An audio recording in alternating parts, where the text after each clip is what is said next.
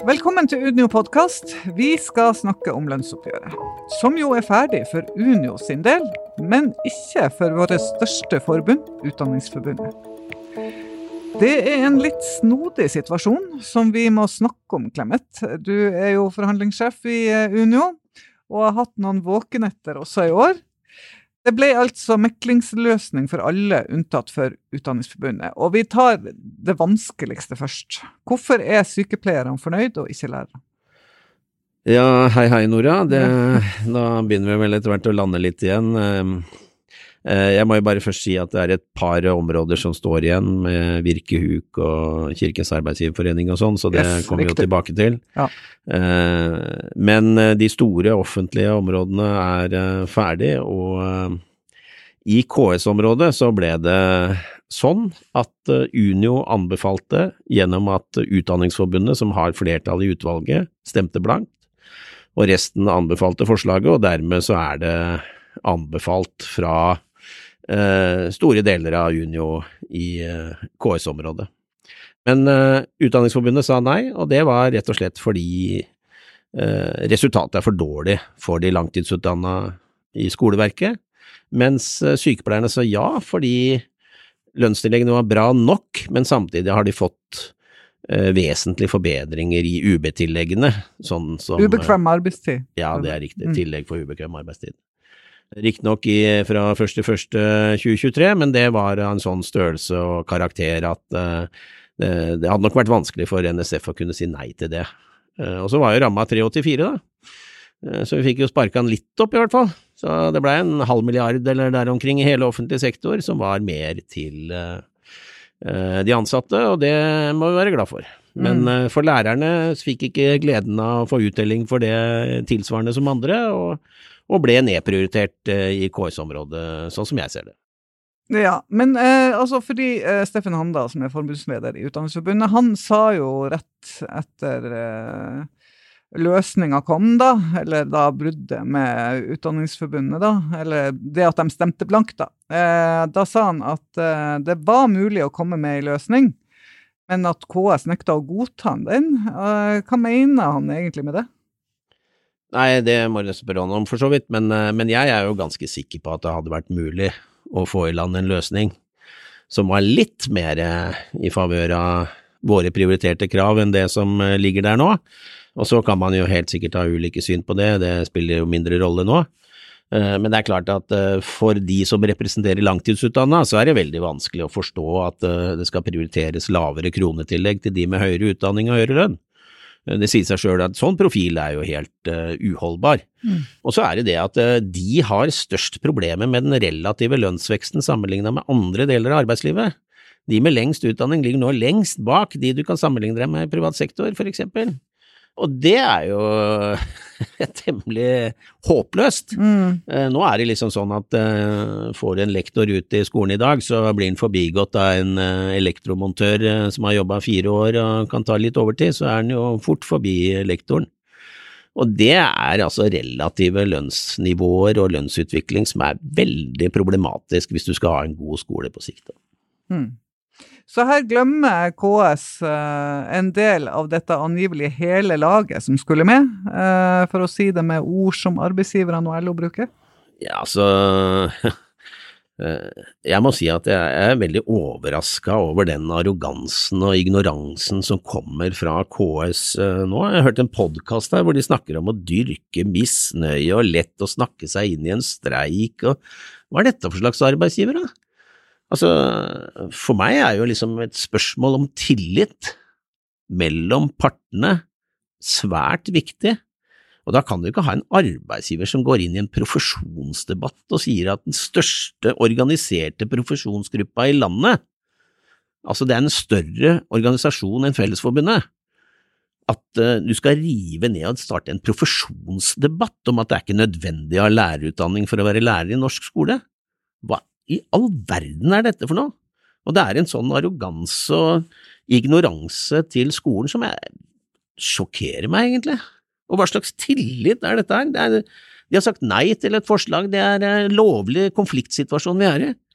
Jeg er helt uh, rysta over det. Jeg, har jobba i 30 år i denne bransjen. Jeg har møtt alle mulige avskygninger av arbeidsgivere, både eh, sammen og som motpart. Eh, jeg har aldri opplevd maken, jeg. Det er ganske spesielt, altså. Og det er jo en ren krigshissing, og eh, lager altså forbannelse rundt omkring når man har den arrogansen og ignoransen i fremtoningen av en situasjon hvor man har tatt stilling Eh, og det er også etter tall, altså i TBU og TBSK, hvor vi har analysert lønnsveksten fra tidenes morgen, holdt jeg på å si, når KS overtok forhandlingsansvaret til i dag. Det har vært dårlig hele veien, og de er helt ignorante til forslag som skal prøve å eh, gjøre noe med eh, den situasjonen, og det skremmer meg. Og da er det jo altså på et tillitsnivå som er veldig lavt, og så har vi en regjering som jobber med en tillitsreform. Og da har vi altså en arbeidsgivermotpart i det største tariffområdet i offentlig sektor som suverent driter i skolen og de ansatte der. Det er helt uforståelig. Og måten den arrogansen og ignoransen arter seg, ja, det er under enhver kritikk, altså. Og jeg skjønner at lærergruppene blir forbanna, det er en berettiget harme, og de har hatt lav lønnsvekst over lang tid, eh, og de er Eh, rett og slett i en situasjon som eh, Ja, jeg er ganske rysta over den situasjonen, altså. Og det KS må gå i seg sjøl. De må bygge en relasjon, de også, og kan ikke bare skyte på lærerne, som har dokumentert en situasjon som må gjøres noe med. Alle har undertegna på at hvis noen henger etter i lønnsveksten sammenligna med frontfaget, over tid, ja, så svekker du troverdigheten i denne. Og Nå kan du ha lærere som går og sier at den norske modellen, hva betyr den? Jo, den betyr at lærerne taper hvert år i lønnsdannelsen i 15–20 år, og de kommer til å fortsette med det, sånn som KS fremstår. Er det sånn vi skal fremstille den norske modellen? Jeg tror ikke det. Men det er rett og slett en situasjon hvor det er en tillitskrise mellom partene i det største offentlige tariffområdet, hvorav lærerne utgjør 30% nesten av årsverkene. Det er altså ikke en liten del. Eh, I fylkeskommunen er det jo vesentlig større, det er 70% av lønnsmassen er lærere i videregående skole. Mm. Og det er klart at det er en situasjon som er helt uhørt og helt uholdbar, hvis det er slik at de arbeidsgiverne har prioriteringer av grupper som de ikke har i sin egen arbeidsstokk. Da er det noe fundamentalt galt med systemet på arbeidsgiversiden i kommunesektoren. Men her må altså tilliten bygges, og jeg aner ikke hvordan det skal skje, for å si det rett ut. Og når man har sånne podkastharseleringer og en sånn ovenfra og nedad-holdning som er arrogant og ignorant, og egentlig kunnskapsløs, også sånn som det framstår, eh, så er det veldig alvorlig mm. for situasjonen for skolen. Mm. Og det er framtidas arbeidskraft, altså. De neste 10–20–30 åra så er det de som går på skolen i dag, eller barnehagen i dag, som skal være arbeidskrafta som skal bære det grønne skiftet og være inn, Norge inn i framtida. Og det er ikke noe å tulle med. Hva er det som er så spesielt med lærerne, sier KS. Jo, det er spesielt med lærerne. De sitter med framtidas arbeidskraft, og det er framtidas demokratiutvikling som folk lærer på skolen i Norge. Det er helt unikt i verdenssammenheng, nesten, at vi har en sånn skole, en fellesskapsskole, på hvert nes i hele landet. Og det kødder du ikke med, altså. Ja, eh, det var Takk for enetalen. Men hvis, hvis, man skal liksom ta, ta liksom KS og Gangsø sin side her, da, så sier jo Gangsø, som man har sagt i det uendelige, at eh, nei, de får rapportert inn fra kommune, kommuneledelsen at eh, de har ikke noe problem med å rekruttere lærere. Så, så hva, hva, er det som skjer da? Er det, er det kommunene rundt omkring som ikke har forstått situasjonen? Altså, vi så jo det under pandemien, så var det jo 3000 uten pedagogisk utdanning som var tilsatt i skolen. 3000, det var like mange som hadde vært tilsatt nye siden KS overtok forhandlingsansvaret, omtrent. Så det er klart at så lenge du fyller opp med ufaglært arbeidskraft, så, og går inn i en profesjonsdiskusjon om det er mange forskjellige veier til lærergjerningen, mm. så er jo ikke noe problem å fylle opp. Da skjønner jeg at du ikke har rekrutteringsproblemer. Mm. Men det er jo ikke sånn det skal være. Mm. Altså, man må jo ha den best kvalifiserte arbeidsstokken til å utføre de oppgavene de er utdanna for. Så dette er jo en svært alvorlig situasjon, sånn som vi eh, ser det, da. Vi må snakke om staten også. Ehm, der har jo Unio bytta avtalepartner fra LO og YS til Akademikerne. Hvordan kommer våre medlemmer til å merke det? Det tror jeg de merker med å få mer treffsikre lønnstilsnakk. At uh, både innretning på generelle tillegg og, og, gruppetillegg og andre grep blir mer målrettet og tilpasset de delene av staten hvor våre medlemsgrupper er. Og det gjelder jo særlig politi- og, og universitet- og høyskolesektoren, men uh, det vil jo gjelde andre deler hvor vi har mer slengere også. Og det er klart at det gjør at Uh, for eksempel i politiet så kan man få generelle tillegg som er tilpassa situasjonen der, hva slags arbeidsmedlemsstokk som er i PF, og hvordan de vil ha sine prioriteringer. Sånn at dette er bra i den forstand at du nå får mer målrettede løsninger i lønnsoppgjøret innenfor samme ramme. Så du kan få en profil som er mer treffende i forhold til det behovet du har. Mm.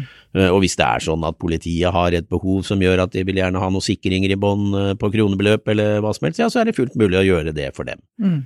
Eh, eller individuelle hensyn, eller andre hensyn, som gruppehensyn som de måtte ønske innenfor den ramma de har til disposisjon. Sånn at jeg tror dette kan bli bra. altså Det bygger jo på den forutsetning at arbeidsgiversiden og arbeidstakersiden finner sammen i gode løsninger, og det har jeg tro på. Mm. Jeg tror det er en god relasjon mellom f.eks. PF og POD, og, og, det er en god relasjon uh, i universitet- og høyskolesektoren mellom Forskerforbundet og arbeidsgiversiden. Så jeg, tror dette, jeg har tro på dette.